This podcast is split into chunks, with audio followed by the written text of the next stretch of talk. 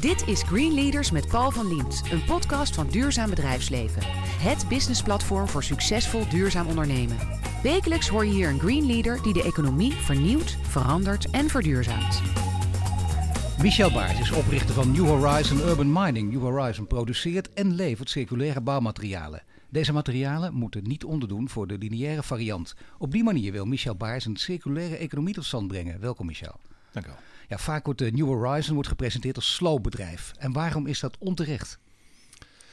Nou, dat is onterecht omdat uh, het in functie staat van iets anders. Natuurlijk doen we dat wel, dus we ontmantelen op grote schaal gebouwen. Uh, maar eigenlijk met als enige reden uh, dat we regie willen hebben over dat ontmantelingsproces, zodat we met voldoende kwaliteit grondstoffen en producten minen die we kunnen toepassen in de bouweconomie. Ja, maar het dus, betekent dus wel ontmantelen. Dat betekent wel, als je dus om je heen kijkt, het zou, kan me voorstellen dat een tweede natuur bijna wordt. Je ziet een gebouw ja. en je denkt, ik wil het slopen. Ja, ja, nou, ik ben in ieder geval steeds aan het kijken. Goh, wat een waardevol product is dit? En hoe zou ik dit eruit kunnen krijgen? En uh, hoe hebben ze in vredesnaam bedacht? Waarom hebben ze dit zo vastgemaakt? Je kwam hier ook dit gebouw binnen, want zo kijken naar elk gebouw. Ja. Dit gebouw, dit, dit, is een prachtige plek op het Vondelpark in Amsterdam. Ja. Dacht je meteen slopen? Of ik zou dit even houden. Oh, ja. dit toch wel? Ja, laat maar staan. Oh, kijk aan. Nou, dat is een prachtige uitzondering.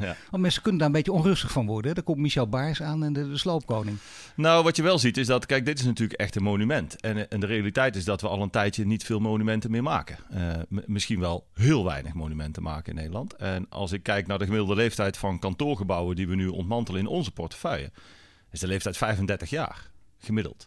Ja, dat is natuurlijk dramatisch. Zou jij dus... ervoor zijn om dan mooiere gebouwen neer te zetten die, die, die eeuwenlang toekomstbestendig zijn? Dus nou, uiteindelijk zien we is... een nieuwe Notre Dame opbouwen in Nederland? Nou ja, uh, in ieder geval is dat een manier om uh, trots uh, te zijn op wat je hebt. Uh, en dat is een mooie emotie die kan leiden tot een circulaire economie. Ik denk dat we uh, veel te veel verspillen omdat we er te weinig trots op zijn. Dus een monument maken, ja, daar zijn mensen snel trots op. En als je dan de, de nou laten we het maar technisch benaderen, de CO2-footprint van de materiaalgebruik van dat gebouw ja, eigenlijk uitsmeert over zo'n lange periode, ja, dan is hij bijna een hiel. Ja, dus misschien een hele gekke vraag, maar daardoor is het wel waar. Dus, want ik heb liep er op weg hier naartoe ook over na te denken. Notre Dame, dat is eigenlijk uh, dus een heel erg uh, geweldig gebouw. Dat gaat ja. eeuwen mee. Ja. ja, het kan een keer misgaan, maar daar kan het gebouw niks aan doen. Nee. En dat, is, dat, is, dat zouden we eigenlijk opnieuw in ere moeten herstellen. Want weinig verspilling, steeds opnieuw opbouwen ook.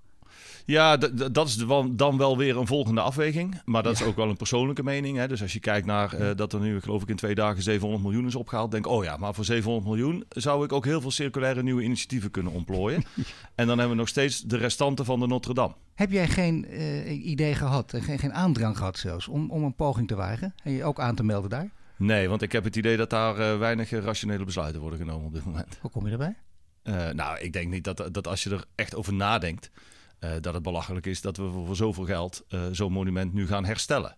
Ik denk dat we voor dat geld uh, een andere impact hadden moeten maken. Ja, maar dan is het toch juist een reden om wel toe te slaan? Om te denken, wacht even, ik kan. Oh, dan ga ik het ontmantelen. Ja, zeker. Ja, je kunt stenen van de Notre Dame gaan verkopen. Ja, ja dat, dat zou, kunnen. dat zou kunnen. ja. ja. Want wat jij niet doet over voor nagedacht. Nee. wat, ja, nou, gratis tip voor jou. ja. Toch, toch nog nuttig om even hier te zijn. Ja, zeker. Maar belangrijk is natuurlijk niet te slopen, maar oogsten. Dat is een woord dat altijd in alle interviews met jou terugkomt. Maar wat bedoel je dan precies met oogsten? Nou, waar het begint is dat je. Het startpunt is dus dat je op overhouden speelt. Dus dat je naar een gebouw kijkt wat blijkbaar weg moet om een of andere reden, of gedeeltelijk ontmanteld moet worden. Uh, en je niet begint vanuit het principe: het moet straks weg zijn. Wat kan ik er nu nog van maken? Van alles wat ik in een bak heb gegooid. Maar dat je het omkeert. Dan zeggen: Goh, wat staat hier nou eigenlijk? En hoe kan ik daar nu zoveel mogelijk waarde van behouden? En dan kom je dus in een andere ja, met een andere methodiek naar dat gebouw toe. En dan, ja, dat leidt dan tot oogst, hè? dus tot het demonteren van zoveel mogelijk materiaal. Maar daar moet je natuurlijk wel een bepaalde blik hebben en een bepaalde manier van denken ook hebben. En meteen ja. de gaten hebben of zoiets kan. Hoe werkt dat in de praktijk? Nou, in de praktijk werkt het zelfs zo dat dat heel snel kan worden geleerd. We hebben nu een aantal, uh, met een aantal van mijn opdrachtgevers zogenoemde Urban Mining Games gehouden, als een soort personeelsfeestje. En dan hebben we groepen van die opdrachtgever uh, kort geïnstrueerd en meegenomen naar de gebouwen waar wij actief zijn en in groepen weggestuurd. En zeggen we nou, als je nu op onze manier zou kijken, en dat doe je zo, nou, dan zetten we heel even die, die bril op, feitelijk. En dan zie je ineens dat iedereen gaat meedenken. Dus het is echt niet ingewikkeld om dat die leidt tot enthousiasme, lijkt me. Ja, het lijkt ontzettend. Doet, ja, en hele creatieve oplossingen. Ja, ja. er was één iemand die zei: Goh, deze brandmelders die zijn heel oud. Die zijn dus radioactief. Dus ik was aan het uitleggen dat het heel lastig is om daar een herbestemming voor te vinden. Maar hij, uh, hij, had het idee om dan toch Noord-Korea eens te proberen. Maar uh, uh, nou, dat is iets ja. te creatief voor mij. Kijk, ja. ja. Nou, geweldig dat het ook tot dat soort ideeën dus leidt. Ja. Maar zo kan het werken. Dat betekent ook dat, dat er wordt vaak gezegd... die bouwwereld is, is heel conservatief. Altijd die, die negatieve etiketten erop. Daar heb je geloof ik ook een hekel aan. Want dat valt wel mee of is het toch voor een deel wel degelijk waar? Nou, het brengt niks. Dus het, uh, de hele discussie erover brengt ook niks. Dus het brengt ook niks om iemand te bashen of, of, uh, of weinig innovatief te noemen. Nou ja, als je ik, tegen iemand zegt die weinig in beweging kan brengen, jij doet dat door deze manier. Andere manier van kijken aanleren, dan blijkt het wel te lukken. Als mensen echt inneet, uh, om het dan maar even om zijn Engels uit te drukken, heel erg conservatief zijn, dan willen ze het niet. Nee, maar ik denk dat dat sowieso. Uh, kijk, ik, geloof heel erg in. Toen ik uh, nog een groot bedrijf had, het aansturen van die mensen deden wij met Belbin. dat is een managementstijl. Dus je gelooft heel erg in karakterrollen van mensen.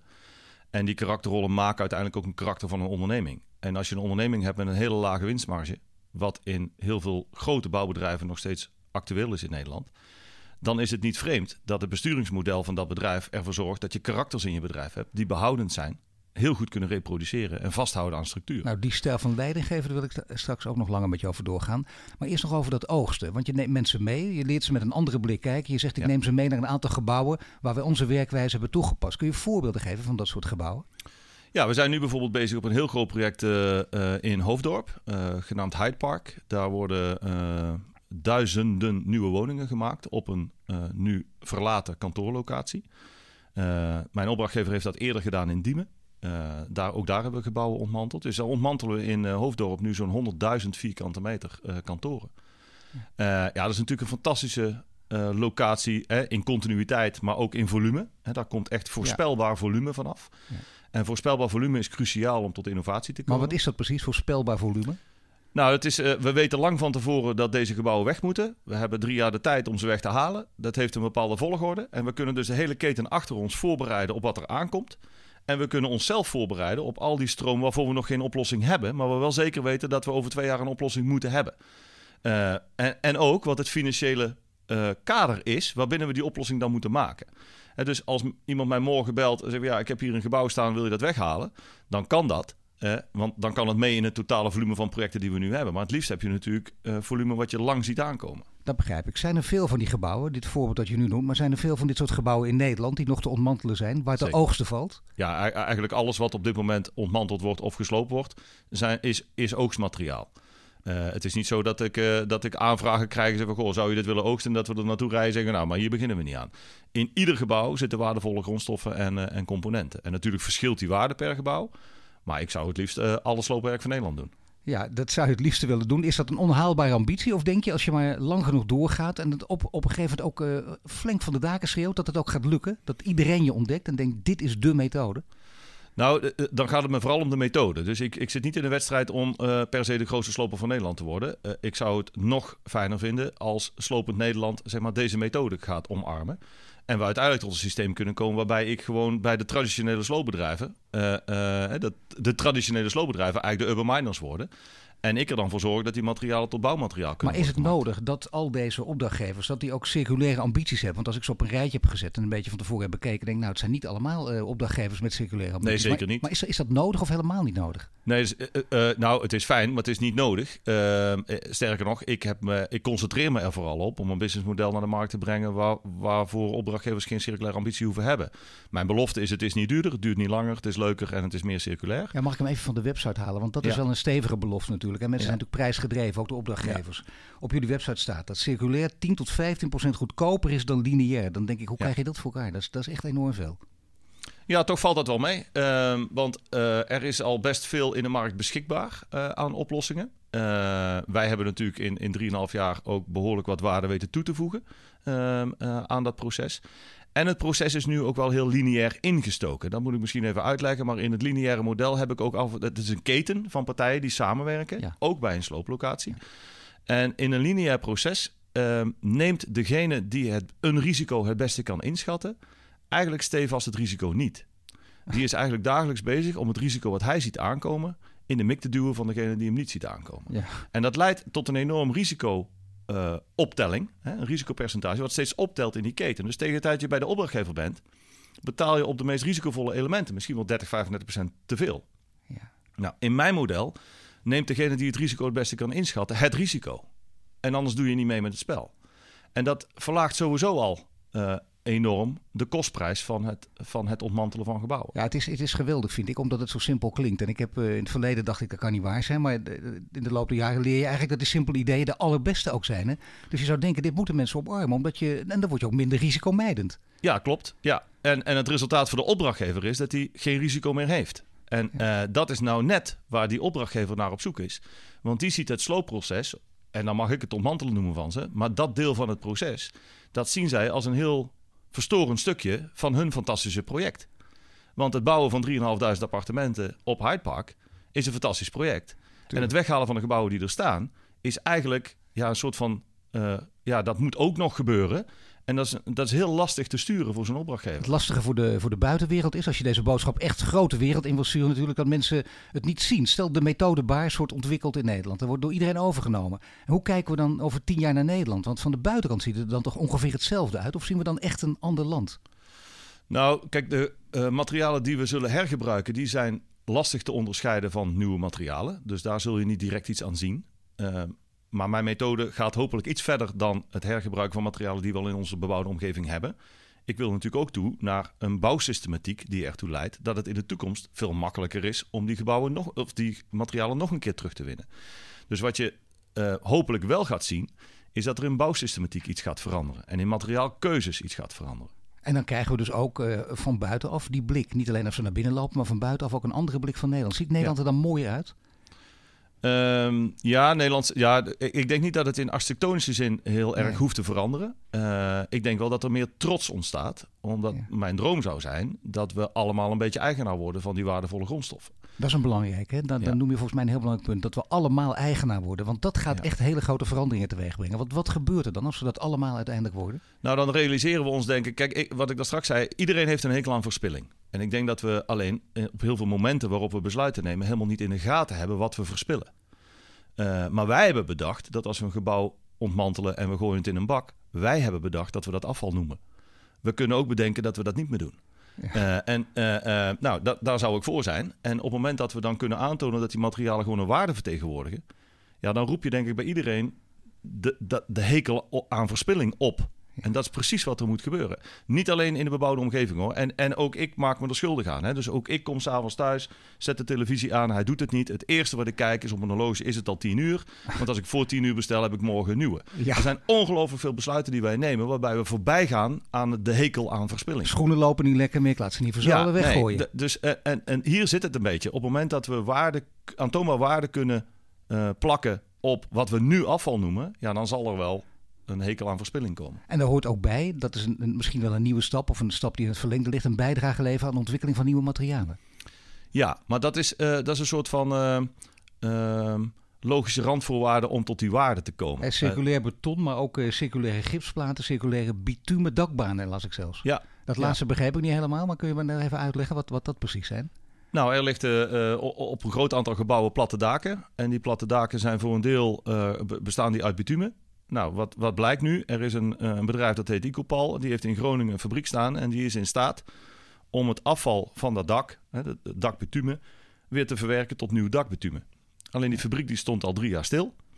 En uh, ja, ik ben dan geïntrigeerd, ja, maar waarom dan? Dus waarom staat hij dan stil? Dan zeg ik, nou, dat staat stil omdat de sector niet in staat is om voldoende kwaliteit materiaal te leveren uit die sloop. Er zit te veel afval rondomheen. Uh, uh, het tempex of de isolatie of te veel hout. Of, ja, dan draait onze fabriek vast. En aan de achterkant komt er een rol bitumen uit, die weliswaar veel duurzamer is, maar ook een beetje duurder. En de markt is niet bereid die te betalen. Nou, die twee dingen zijn we gaan oplossen. En dus is de fabriek weer aan. En dan kunnen we gewoon een miljoen vierkante meter dakbitumen maken. En leveren gewoon tegen niet meer dan anders uh, uh, circulair materiaal. Ja, dat is geweldig. Dat betekent dus ook dat New Horizon echt die naam is meer dan op zijn plaats. Hè? Want dit klopt ook. Nieuwe horizonten worden hierdoor echt geopend op deze manier. Maar misschien ben ik wel naïef. En, en denk ik, ik wil ook, je moet ook de cijfers zien. Je moet weten hoe je impact kunt meten. Kunnen jullie nu al met harde cijfers aantonen dat je daadwerkelijk impact hebt? Ja, dat doen we op een aantal manieren. Uh, en en uh, nou, laat ik met de belangrijkste beginnen. Het leveren van bouwmaterialen. Je kunt op dat bouwmateriaal wat wij produceren, op alles wat we terugleveren, laten we zogenoemde MKI-berekeningen maken. Dat zijn, dat zijn de milieukosten van dat materiaal. Ja. Voor heel veel nieuwe bouwmaterialen zijn die milieukosten ook bepaald en die kunnen we tegen elkaar afzetten. dus we, we, tonen, we kunnen dan aantonen dat we bijvoorbeeld op, op deuren 30% besparen en op kozijnen 30% besparen, maar op beton zelfs tot 73% CO2 footprint kunnen besparen. Dus dat is één. Twee is heb je natuurlijk een maatschappelijke impact. tenminste, dat probeer ik ook te bereiken. Een circulaire economie is ook een inclusieve economie. Ja. Dus ik wil heel graag in de regie die ik heb over die grondstofstroom, heb ik ook regie over arbeid. En ik wil ook daar heel graag mijn bijdrage leveren. Dus we meten de sociale uh, impact die we daar doen. Hè. Wij zijn het return to social gaan noemen in plaats van social return. Uh, omdat ik denk dat, het, dat in dat woord al iets fout zit. Maar return to social betekent wij zetten mensen met een afstand tot de arbeidsmarkt in. En dat kunnen we natuurlijk gewoon meten. We weten wie dat zijn. En we weten wat we met die mensen bereiken. En mensen met een arbeidsbeperking kun je gewoon meten. Kijk eens even. Politiek wil het ook. En dan kunnen jullie aangeven, zoveel mensen hebben wij gewoon in dienst. Ja, hebben wij gewoon naar een duurzame baan geholpen. Ja. Je hoort Michel Baars, hij is oprichter van New Horizon. Net sprak hij over de ambities van New Horizon. Zo praten we verder over zijn persoonlijke drijfveren.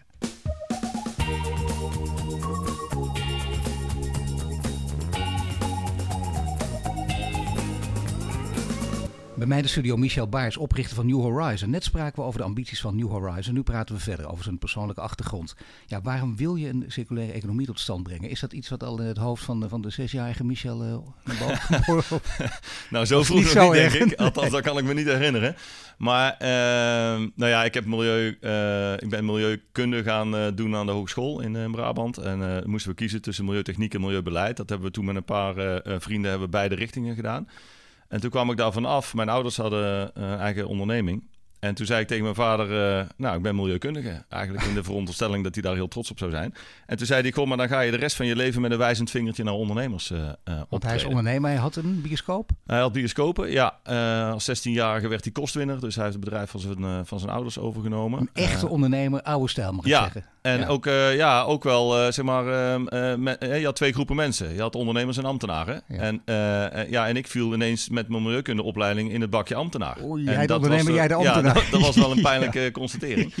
Uh, nou zat ik toen in een fase van mijn leven waarin mijn vader niet veel gelijk had, zullen we maar zeggen. Maar op dit punt raakte die wel iets. Want als ik om me heen keek, dan, is het, ja, dan was het ook inderdaad wel zo dat veel van mijn uh, vrienden en vriendinnen, ja, die gingen bij Natuurmonumenten, Staatsbosbeheer, de provincie en op milieuvergunning uh, handhaving zitten. Dus ik ben daarna technische bedrijfskunde gaan doen. Eigenlijk wel een beetje op deze reden. Ik wil graag laten zien wat nu chic heet, hè, economie en ecologie in harmonie. Hè, dus dat je die twee werelden, dat die niet tegenovergesteld zijn, maar dat, je, dat die juist in elkaar Ja, maar dit, is, uh, dit, dit, gaat niet zo. Dit is een hele interessante gedachte, omdat je dat voortdurend, kom ik ook voortdurend tegen, die twee werelden, totaal andere werelden, los van elkaar. Ze geven altijd op elkaar af, terwijl ze moeten natuurlijk samenwerken. Maar het zijn wel uh, andere, andere geesten, andere breinen misschien wel. En jij hebt dan deze beide breinen in één mens verenigd. Nou, ik, ik weet niet zeker of ik wel een, uh, of ik wel een ecologisch brein heb. Het feit dat ik die opleiding gehaald heb, wil niet zeggen dat, dat mijn brein zo werkt. Nou, je bent het niet om die reden gaan doen. Nee. Je, bent, je, bent, je bent meteen bij, bij het begin van de studie ook, heb je al gedacht, ik doe dit niet omdat ik een, een, een ecologische duurzaamheidsgoeroe ben. Nee, ik wilde graag impact maken, dat wel. Ik wilde wel graag snappen hoe het werkt en wat ik moet doen om aan, de, hè, aan welke knoppen ik kan draaien om het te verbeteren. En, eh, en hoe dat mechanisme werkt. Dus hoe dat beleid tot stand komt en hoe, en hoe, hoe die techniek zeg maar, tot stand komt. Dus daar heb ik wel heel veel van geleerd. Heb je gestoord aan je medestudenten die misschien heel anders daarin staan? Nou, ik kan me herinneren dat ik uh, uh, als enige in die groep uh, de, de, de kans kreeg om bij natuurmonumenten af te studeren. En ik heb daar een kennismakingsgesprek gehad en ik ben teruggekomen en zeg ik ga daar niet afstuderen. Dus ik voel me daar gewoon niet fijn. En dat wil niet zeggen dat ik tegen natuurmonumenten ben, maar ik heb gewoon geen karakter om, om, om, om te gaan afstuderen op paddenpoelen. Dat, dat, ben ik niet, dat ben ik niet. Dus dat ga ik niet doen. Nee. En uh, daar zijn andere mensen heel goed in. Die moeten dat dan vooral doen. Maar ja, ik zit er. Ik, ja, ik moet iets met mijn ondernemerschap. Uh, maar, maar het gaat er wel om, als je beide werelden bij elkaar wil brengen, hoop je dat het in de opleiding toch al gestimuleerd wordt. Werd het in die tijd gestimuleerd? Of werd je dan toch inderdaad, dat je nu een beetje omschrijft, toch als, als een eenling gezien? Nee, het werd wel gestimuleerd door een samenwerking, kan ik me toen herinneren, met de HAO. Hè? Dus er zat wel een, een opleidingscomponent in die wel over bedrijfskunde uh, ging. Maar dat was wel ondergeschikt. Het ging vooral over techniek, milieutechniek, bodem. En, mensen zeggen wel, het begint vaak daar. Dat zie je op veel plekken ook. Hè? Gewoon om mensen ergens warm voor te maken, moet dat in het onderwijs al beginnen. Liefst zo snel mogelijk. En hier ben je al verder gevorderd. Ja. Middelbaar, uh, middelbaar onderwijs ontstegen, hoger onderwijs. En dan zou, zou daar een slag gemaakt kunnen worden. Ja, dat denk ik wel. Ik, ik heb wel het idee, ik ben toen ook wel eens een paar keer geïnterviewd van... goh, we gaan een opleiding duurzaamheid beginnen en zo. Toen die hype uh, begon. Ja, maar dat, dat, ja, dat past dan niet in mijn hoofd. Wat, hoe studeer je dan af? Wat ben je dan? dus eh, ik geloof niet in een stafafdeling duurzaamheid. duurzaamheid is iets wat, wat in de lijn uh, hoort. Hè? Ja, maar dus... je kunt het wel met ondernemen gaan verbinden. Hè? Ja. Mensen, die, mensen die, die ecologisch denken, maar die, die helemaal geen, geen idee hebben van ondernemen. Die het zelfs een vies woord vinden. Ja, ja, die zul je houden. Dus daar is geen opleiding tegen bestand, ben ik bang. nee, uh, uh, maar kijk, het principe wat we nu hanteren... Kijk, ik, ik, beschouw, ik probeer maar een beetje te beschouwen hoe het ontstaat. Je hebt gewoon een grote groep mensen die, voor wie duurzaamheid een heel belangrijk thema is... en die daar keihard voor vechten om dat op de agenda te krijgen bij het grote bedrijfsleven. Dat moet ook vooral zo blijven. Ja, ik ben meer het type wat liever dan bij dat grote bedrijfsleven gaat zitten en zegt: Goh, uh, ik heb iets voor je bedacht. En daar hoef je eigenlijk je beleid helemaal niet op aan te passen en je inkoopgedrag ook niet. Uh, en dan draag je ook bij. Ja, nee, je hebt een prachtige combinatie. We zullen die bedrijven nodig hebben. Maar kun je zeggen dat, dat je, heeft jouw vader het nog meegemaakt of niet? Zeker, ja, ja. Hij, leeft nog Hij kijkt nog steeds, ja, zeker. En uh, iedere dag uh, breng ik nog rapport uit over hoe het met mijn bedrijf gaat. Maar is het een type, ja. misschien, ik weet niet, hoe oud is je vader? Hij is nu 75. Ja, nou ja, de generatie die net niet zo goed in staat is om complimenten te geven? Of ziet hij nu echt van, nee, dat gaat Michel, hem, je doet het goed, je bent Dat gaat hem goed af, ja. Hij is boek aan het schrijven, dus hij heeft een andere carrière ja. inmiddels. Maar, uh, hij zegt bijna, had mijn bioscopen maar gesloopt, jongen. Ja, ja dat had, had misschien wel verdediger geweest. Ja. Nee, dat, dat, zover is hij nog niet, want we zaten in een monument. Maar hij nee, ik rapporteer keurig iedere dag uh, hoe de dag is geweest. Maar wat mooi ook, ja. hè? dat betekent dat je zo goed contact hebt. Dan ziet hij dus, is het voor hem een soort omschakeling? Want je kunt natuurlijk van hem ook leren, want hij heeft daar met een andere blik naar gekeken. Zeker. En opeens ja. herkent hij, hoe herkende hij het moment dat je, net als hij, ook een ondernemer bent in hart en nieren? Uh, poeh, dat vind ik wel lastig om, uh, om te analyseren. Ik denk dat, uh, kijk, het ondernemerschap zit ehm, ehm, bij mijn ouders uh, uh, waren beide nodig om tot ondernemerschap te komen. Wat dus we hadden het net over de zekerheid? Want, uh, ja, mijn moeder zat in, in, het, in het huis, in het bedrijf, dus in het, in het familiebedrijf. Ja. ja. En dus die hebben 24-7 samengewerkt. En eigenlijk zit de diplomaat zeg maar in mijn vader. Dus het strategisch denken zit in mijn vader en het doen zit in mijn moeder. Ehm, dus ehm, nou, af en toe dan ben ik voor mijn vader iets, iets te, te agressief bezig in het veranderen van de wereld. Ja. Uh, iets te doenerig. Zeg je nou, een beetje rustiger. Uh, het zou misschien fijn zijn. En mijn moeder die kan dan wel applaudis applaudisseren.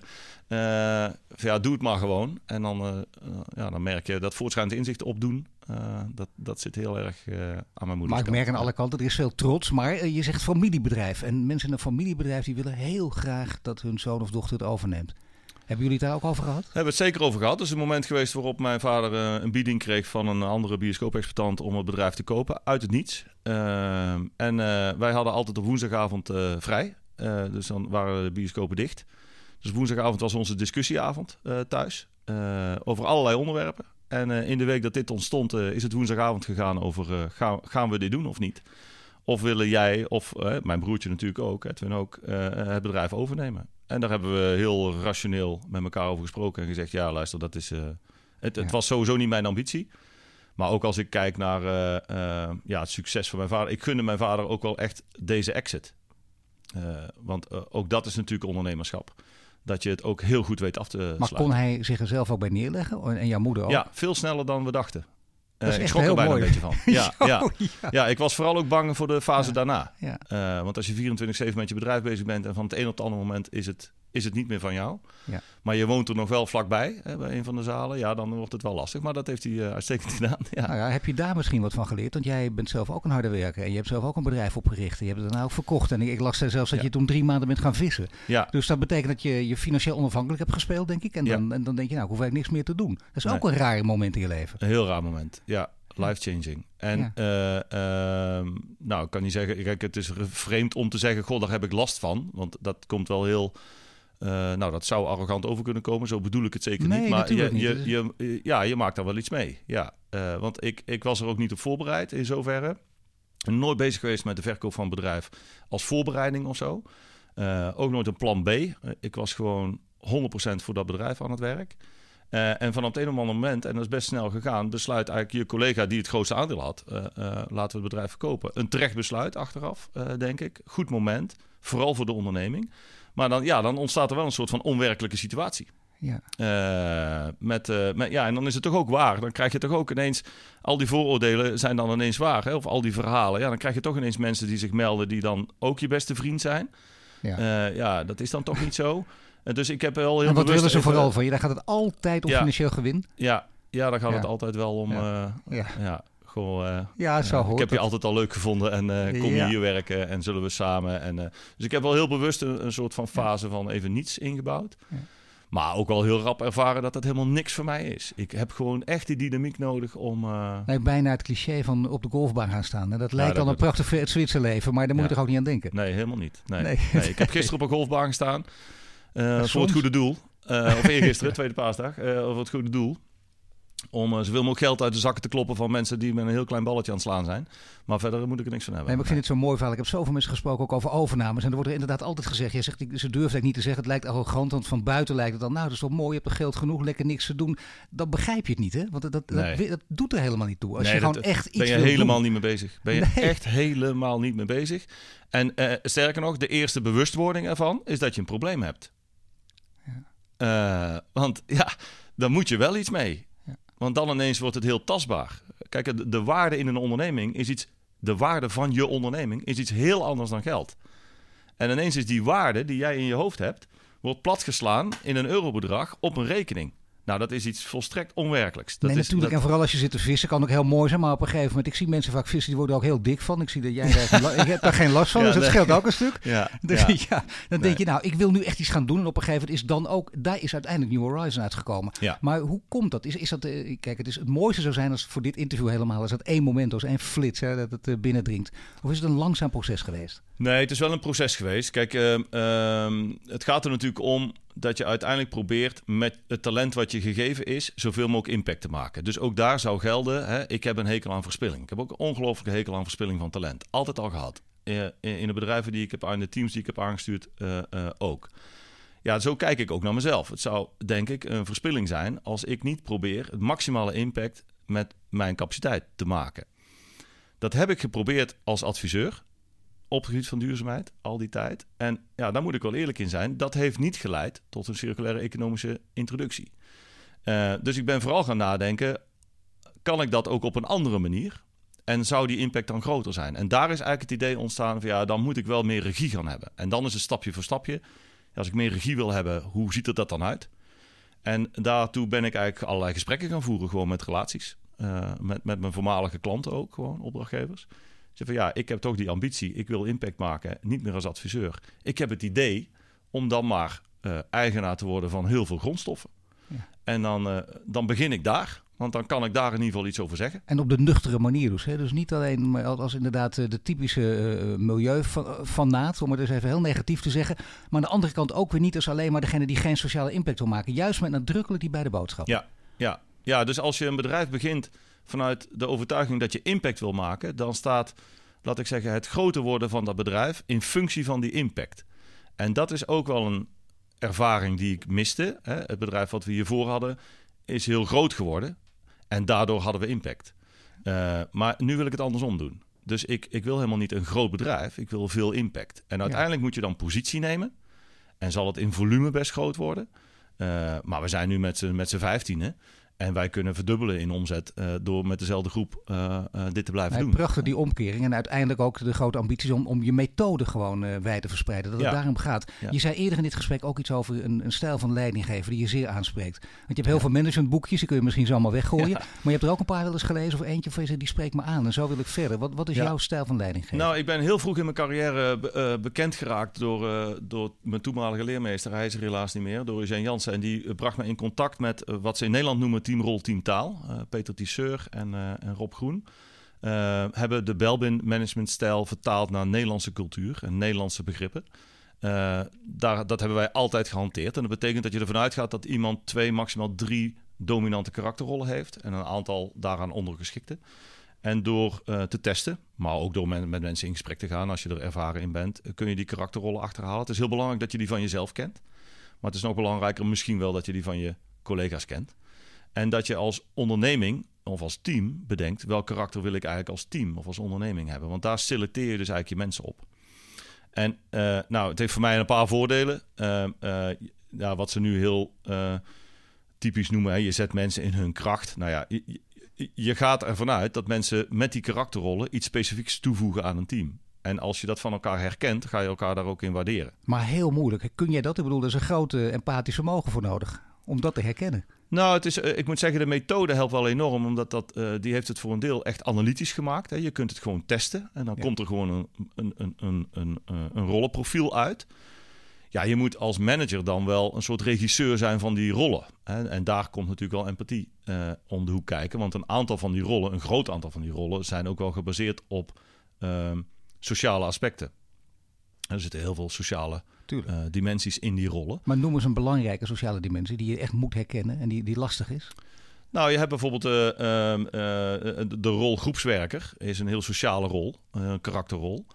Ehm, de grap is eigenlijk als je, als je een groepswerker in je team hebt en je begint de zin met wil je me helpen, dan maakt het daarna niet meer uit wat je zegt. Want dan zegt de groepswerker, ja, natuurlijk wil ik je helpen. Ja, het nadeel is wel van groepswerken dat die, die zijn zo niet bedreigend voor mensen... dat ongeveer iedereen in, de, in hun omgeving met problemen komt het bij de groepswerker melden. En die absorbeert dat ook allemaal. Die stapelt dat ook op. Dus je moet heel zorgvuldig met groepswerkers omgaan. Want voor je het weet zitten ze toch een beetje overspannen in een hoekje de problemen van iedereen op te lossen. Ja. Nou, dit, zijn, dit is een hele platte vertaling. Hè? Uh, want je kunt hier echt weken en maanden uh, zeg maar, op door analyseren. Maar dit zijn wel de manieren om teams te maken voor mij. En, uh, en ervoor te zorgen dat het karakter naar buiten toe, hè, dus de dienst die je wilt of de impact die je wilt maken, ook past bij de groep die je hebt. Nou zijn wij hier in deze reeks ook op zoek naar duurzaam leiderschap. Jij komt er heel erg in de richting, maar voor jou hoeft het niet per se duurzaam leiderschap en lijstjes en 1 tot en met 10. Dat, dat vind je allemaal niet zo interessant volgens mij. maar eh, is het wel interessant om daarvoor naar een definitie te zoeken? Of kom je eigenlijk hiermee al in de richting? Nou, je komt eigenlijk hiermee in de richting. Want uh, kijk, uh, om nu duurzaam leider te zijn, voor wat het dan ook is. Maar kijk, dat vraagt om innovatie. dat kan niet anders. Hè. Je gaat iets nieuws doen. Je gaat het anders doen. Het vraagt om een bepaalde vorm van uh, resultaatgerichtheid. Ehm, ja, en als je die termen allemaal bij elkaar voegt, hè, externe oriëntatie, maken van nieuwe verbindingen, ja, dan kom je heel snel op een karakterprofiel. En dat is in, in termen van Belbin, zijn dat vormen brononderzoeker die je dan in je profiel moet hebben. Maar veel meer dan vroeger ook nuchterheid, zakelijkheid in plaats van en analytisch vermogen in plaats van vooral idealen. Ja, ja. Ja, dat hoeft niet. Ja, die twee zijn voor mij niet tegengesteld. Maar, uh, want je kunt ook heel nuchter zijn en, en idealistisch. Uh, maar, uh, maar klopt, ja, het is niet zo dat, uh, dat, ja, dat, dat je per se zeg maar een idealist hoeft te zijn om duurzaam ondernemer te zijn. Aan het woord is Michel Baars, oprichter van New Horizon. Hij deelde zijn visie op leiderschap en nu praten we verder over de totstandkoming van een circulaire economie.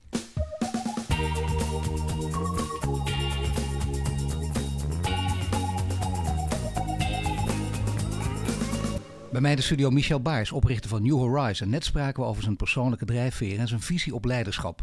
Nu praten we verder over de vraag hoe de transitie naar een circulaire economie mogelijk wordt. Ja, voordat we dat gaan doen, echt op die circulaire economie uh, doorgaan, wil ik nog één ding van je weten. Namelijk, je bent een harde werker, dat, dat weten we nu in dit gesprek. Daar hou je ook van. Je bent gek op je werk zelfs. Daarbij hoort ook een goede gezondheid. Ik zou bijna zeggen, ik, ik weet omdat ik wat over je gelezen heb, maar hoe is het met je gezondheid? Met mijn gezondheid is het uitstekend. Ja, ja ik, had, uh, ik bleek een, uh, even een aangeboren hartklepafwijking te hebben. Die hebben ze vier jaar geleden geconstateerd. En die is ook direct opgelost. Dus ik ben op dat onderdeeltje ook circulair. Er zit een soort uh, carbon uh, klepje in mij. Ja. Wat uh, verder kan als ik er niet meer ben. Maar, voor duidelijkheid, daar kun je heel oud mee worden. Ik, ik merk er helemaal niks van. Nee. Zo je kijkt, volgens mij ben je een hardloper ja. en een fietser tegelijk allemaal? Of nee, dat, dat, daar ben ik niet zo van. Maar een beetje fitness gaat prima. Oh, dat wel. Dat is genoeg. En verder een beetje opletten met eten en drinken. Nou, en goed ritme. Dus maandagochtends ben ik niet aan het werk. En, en vrijdags ook niet. Ehm, en dan ben ik echt in de sportschool te vinden. Ja. Oh, dat is het. Maar verder wel ook uh, weekend nemen. Dus niet geen 80 uur werkweken. Nee, ja, voor ons uh, werkt dat sowieso niet. Dat loopt helemaal uh, door elkaar heen. Dus misschien zal ik de 80 uur wel raken. Ik hou ze niet bij. maar het is wel een goede balans. Ja. We praten dus over circulaire economie al een hele tijd. Maar wat, wat is het eigenlijk? Want we hoeven niet per se een schoolse definitie te hebben. Maar wel een beetje in de richting komen. Goed kunnen aanraken. Wat is circulaire economie volgens jou? Nou, het begint natuurlijk, als ik eh, puur op mijn vakgebied, hè, ik begeef me op het vlak van materialisatie. Uh, en dan met name in de bebouwde omgeving. Ja, daar zullen we er naartoe moeten dat we veel minder uh, uh, virgin material gaan gebruiken. En wat is dat? dus materialen die we aan de aarde onttrekken. Ja. en als we die aan de aarde onttrekken, dan moeten het hernieuwbare bronnen zijn. Dus dan moeten het biobased materialen zijn. Nou, dus dat is één. Maar dat zou je natuurlijk ook op de consumentenwereld kunnen loslaten en op voedsel en op. dus een circulaire economie is ontzettend breed. Het gaat ook over, ehm, over energie en over water en over lucht. Hè. Dus eh, eh, het gaat over heel veel dimensies. Het stukje wat ik doe is dus proberen de kringloop te krijgen in die bebouwde omgeving. Ja, ik zeg, vraag het vooral ook omdat circulaire economie ook vaak misbruikt wordt. Hè. Dan heb je weer de hoge priesters van de circulaire economie. En daar gaan heel veel mensen zich daarvan afwenden. Daar wil je eigenlijk niets mee te maken hebben. Herken je dat beeld ook een beetje? Ja, dat zeker. Maar dat is gewoon een logisch gevolg van de introductie van iets nieuws. Hè. Dat, dat, eigenlijk zou je de introductie van duurzaam bouwen uh, 15 jaar geleden. Ja, als je, als je nu terugkijkt, dan is precies dat wat we nu ook uh, meemaken. Hè. Dus eerst krijgen we koplopers die het claimen. Dan krijg je een hele grote groep die er eigenlijk geen, geen, donder aan doet, maar het ook claimen. Dan krijg je alle adviesbureaus in Nederland die daar een, een definitiediscussie van gaan maken. Om uiteindelijk te komen tot checklist en, en beoordelingssystemen. Dan krijgen we certificatie en uiteindelijk neemt de overheid het over in hun beleid. Ja, dat gaan we nu bij, bij circulariteit ook krijgen. Hoe dus lang duurt zo'n proces? Nou, toen duurde het heel lang. Ik heb het idee dat we er nog in zitten. Maar uh, ik denk dat hè, de dynamiek is wel wat groter in de markt geworden. Dus ik denk dat we nu een jaar of twee nog wel een discussie zullen houden over de definitie. Ik denk dat we dan uh, over een jaar of drie wel een certificatieschema zullen hebben. De Dutch Green Building Council zal er zeker iets uh, over gaan vinden. Ja, de overheid is iets sneller deze keer. In ieder geval met het uitspreken van een ambitie. Bijna verbazingwekkend. ja, daar zijn we bijna koploper in, denk ik. In het hoe, uitspreken hoe, van ambities. Hoe komt dat dat dat lukt? De ambitie uitspreken. Ja, nou ja en dat, je, koploper, en, en dat je koploper wil zijn. Ja, ja, ja daar ben ik wel uh, kritisch op. Dus ik, uh, maar ook alweer als je kijkt naar die nou, heel graag zeg, kom op. Uh, graag. Ja, nou ja, kijk, ik denk naar de overheid. Ik denk dat daar heel veel mensen werken die, die geselecteerd zijn, beloond worden en, en zijn opgeleid om wat ik dan maar even noem, uit de wind te fietsen.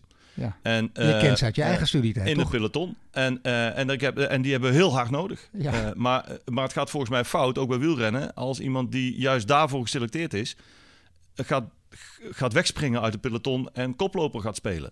Dat, nee. dat moeten we niet doen. Oh, dat is erg. Dus ze denken dat ze Mathieu van der Poel zijn, maar, maar ze zijn gewoon waterdrager. Ja, en ik wil heel graag dat ze harder op de pedalen gaan en proberen die koploper in te halen. Maar ga hem niet zijn. Want daar, zijn, daar is echt iets anders voor nodig. Maar is dit toch, wat, wat is daar dan voor nodig? Um, nou, wat er voor nodig is, is om te beginnen de verantwoordelijkheid om uh, het achterlicht te laten zien. Hè? Dus wel wegspringen, maar zorgen dat je niet twee bochten verder bent. Dit is het verschil tussen impact maken en een groot bedrijf maken. Als je impact wil maken, blijf je in het zicht fietsen.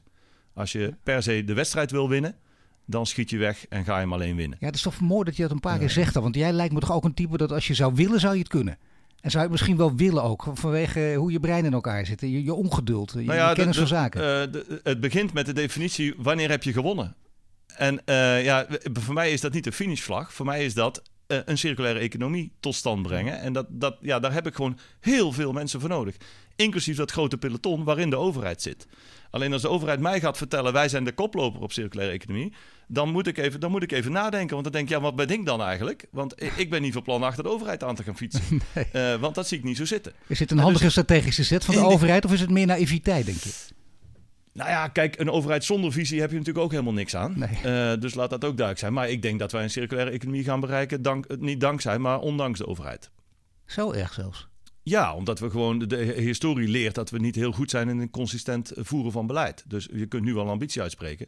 Maar het is wachten tot de volgende kabinetsperiode voordat die ambitie wordt Daarom, bijna elke ondernemer heeft het altijd daarom ook over de onbetrouwbare overheid. Want we denken dat we ergens aan toe zijn, we hebben geen idee waar we aan toe zijn en we kunnen geen lange termijnvisie ontwikkelen. Nee, dus uh, ja, ik probeer me er niet te veel uh, door te laten verstoren, om maar eerlijk te zijn. Dus ik ga gewoon lekker door. En, uh, en misschien bereiken we hem eerder dan de ambitie. Nou ja, de ambitie is in 2050 heeft de overheid de ambitie om als Nederland circulair te willen zijn. Ja. Maar ja, inderdaad, waarom zou de overheid dat willen? Bovendien is het ook heel ver weg. Ja, het is heel ver weg. Uh, kijk, waarom ze het zouden willen is me wel duidelijk. Het is gewoon heel hard nodig. Hè. Ik denk dat een circulair economisch model, maar dan gaat het dus veel meer dan over veel meer dan over alleen materiaal kringlopen. Dat vergeet de overheid denk ik op een aantal onderdelen ook. Maar een circulair economisch model zou voor een aantal maatschappelijke opgaven uh, een oplossing zijn.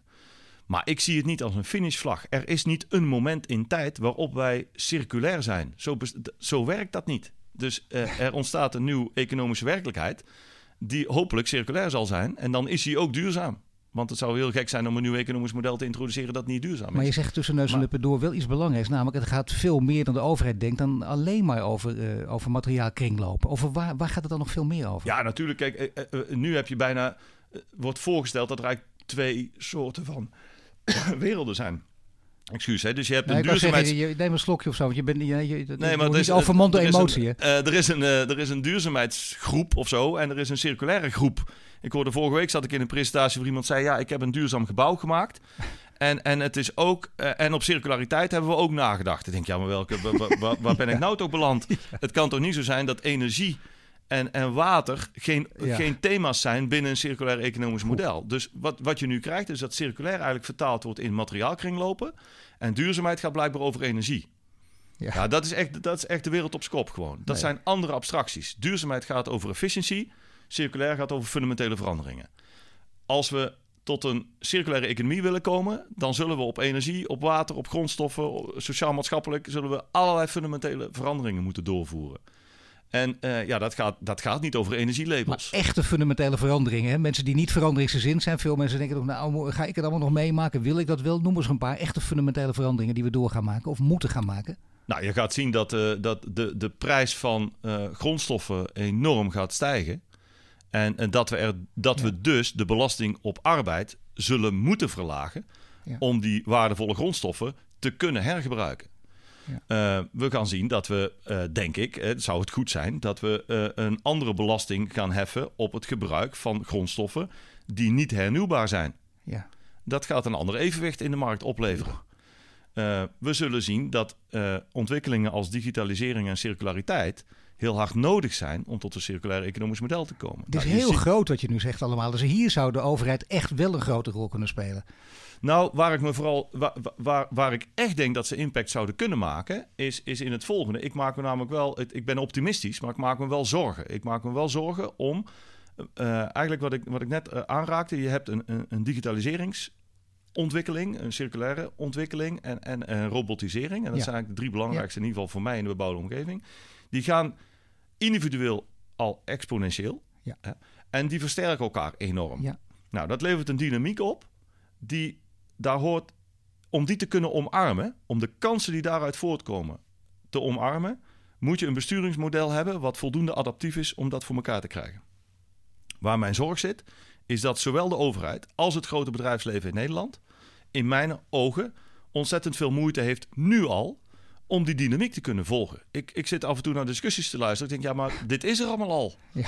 Ehm, zal ik het even vertellen Ja. waar je het kunt halen? Hè? Ja. Eh, maar het omarmen ervan, of in ieder geval de kennis hebben dat het er is, is nog iets anders dan het kunnen omarmen ervan. Laat staan dat je het dan nog moet kunnen implementeren en ex- executeren. ja, dit is echt En dit is wel een De- grote. het tempo waarin wij dat, waartoe we niet in staat zijn, eigenlijk in Nederland, ja, dat is mijn grootste zorg. Eh, Moeten we dan toch uiteindelijk ook hier van het MKB hebben die daar meer wel toe in staat zijn? Ja, Met name ik denk, dat die ik denk innovaties inderdaad snel dat wendbaar op- zijn. Ja, ik denk dat er op een aantal. Ik denk dat eh, het gat tussen wat er kan en wat we aan het doen zijn. op sommige onderdelen zo groot wordt. dat het wel heel aanlokkelijk is voor, nieuwe, voor nieuwkomers om te zeggen: Nou, weet je, dan duik ik dat gat wel Ja, in. Lekker disruptief zijn. Ja, en eh, ik denk dat dat in een groot tempo gaat gebeuren. Dat is iets heel anders dan overigens de start-ups zien. Want dat zijn niet per se zeg maar, die mensen. Eh, maar, maar ja, ik denk wel dat nee, maar dat is ook een interessante. Ja, nee, dat klopt. Nee, het gaat over de ondernemingen die zichzelf eh, die, die zich helemaal hierop gaan Ja. richten ook. En dat ook jarenlang willen gaan doen. Ja. Ja. En niet na één jaartje ermee ophouden. Nee, of eh, wat, wat zonder daarin te, te willen eh eh, bagatelliseren. Maar ik, eh, ik heb onlangs een, eh 45 pitches van start-ups gedaan. Dan zat ik in de jury. Nou, dan ga ik daar met heel veel energie naartoe. En denk, goh, nou ga ik 45 nieuwe ondernemingen eh, met de nieuwste ideeën Ja. eh, ontmoeten. Nou, dat was een beetje een deceptie. Hè. Dus van die 45 zijn er in mijn ogen dan drie ondernemers. En, en 42, met een goed idee, 42 mensen met een goed idee. Oeh, Dat ja. is iets anders Dat dan, eh, eh, dan start-ups. Daar wordt heel vaak onderschat, inderdaad. Ja. De scale-ups zijn interessant, dat is een ander verhaal. Naast de New Horizon eh, bestaat ook het samenwerkingsverband Urban Mining Collective en de Urban Mining Community. Dat laatste omschrijf je dus als een beweging. In hoeverre is die beweging nodig? Want je zou zeggen, dan, als, als we dan toch op dit punt zijn aanbeland, ja, dan is dus het enige wat overblijft is een echte beweging. Ja. Ja, de eerlijkheid gebiedt wel dat ik, eh, dat ik moet toegeven dat ik in dat laatste eh, het minst goed ben. Eh, dus die community vind ik gewoon heel lastig. Waarom? Nou, wat er eigenlijk ontstaat, het is eigenlijk een vraaggestuurd ding. Hè? Dus wij, Ja. wij maken een collectief. Eh, dat collectief is eigenlijk ontstaan omdat New Horizon gaat samenwerken met een aantal grote bedrijven met wie wij proberen tot nieuwe productiemethoden te komen en de distributie van onze materialen naar de markt te brengen. Dat slaagt. Dat is een business-to-business overeenkomst. en, en uiteindelijk is die verzameling zichzelf het Urban Mining Collective gaan noemen. Nou, super. Want dan hebben we een beeldmerk en dan hebben, kunnen we het allemaal een naam geven en dan hebben we een groepje. En op een bepaald moment ontstaat er dan een vraag uit de markt van mensen die onze presentaties volgen. Die zeggen: Ja, maar ik wil hier wel een bijdrage aan leveren. Niet zozeer mijn onderneming, maar ik als professional, ik als persoon. Ja. Dus toen is het idee ontstaan met ABN AMRO samen, een circle hier in Amsterdam, eh, hun uh, clubhuis, laten we zeggen, voor circulaire economie. En zeggen we nou, moeten we dan niet bijeenkomsten gaan organiseren waarbij we die mensen ook gaan raken en gaan betrekken bij de beweging, hè, bij wat we allemaal aan opgaves hebben. En dat is nog helemaal niet zo makkelijk. Eh, dus uh, dat is namelijk ook een vak. En dat is nog niet mijn vak. Dus uh, het managen van die community, dat is nog wel echt iets wat, waar, ik, waar ik graag zeg maar, nieuwe samenwerking in zou aangaan. Om dat goed voor elkaar te krijgen. Blijkbaar is die behoefte er wel. Mensen willen er wel onderdeel van zijn en actief bijdragen. Ik zou bijna zeggen, er staan er heel veel te springen. Er schieten bijna namen door mijn hoofd die dit zouden kunnen doen. Maar dat moeten dan wel mensen zijn die helemaal met jou kunnen omgaan, die het helemaal omarmen, die snappen wat jij van plan bent.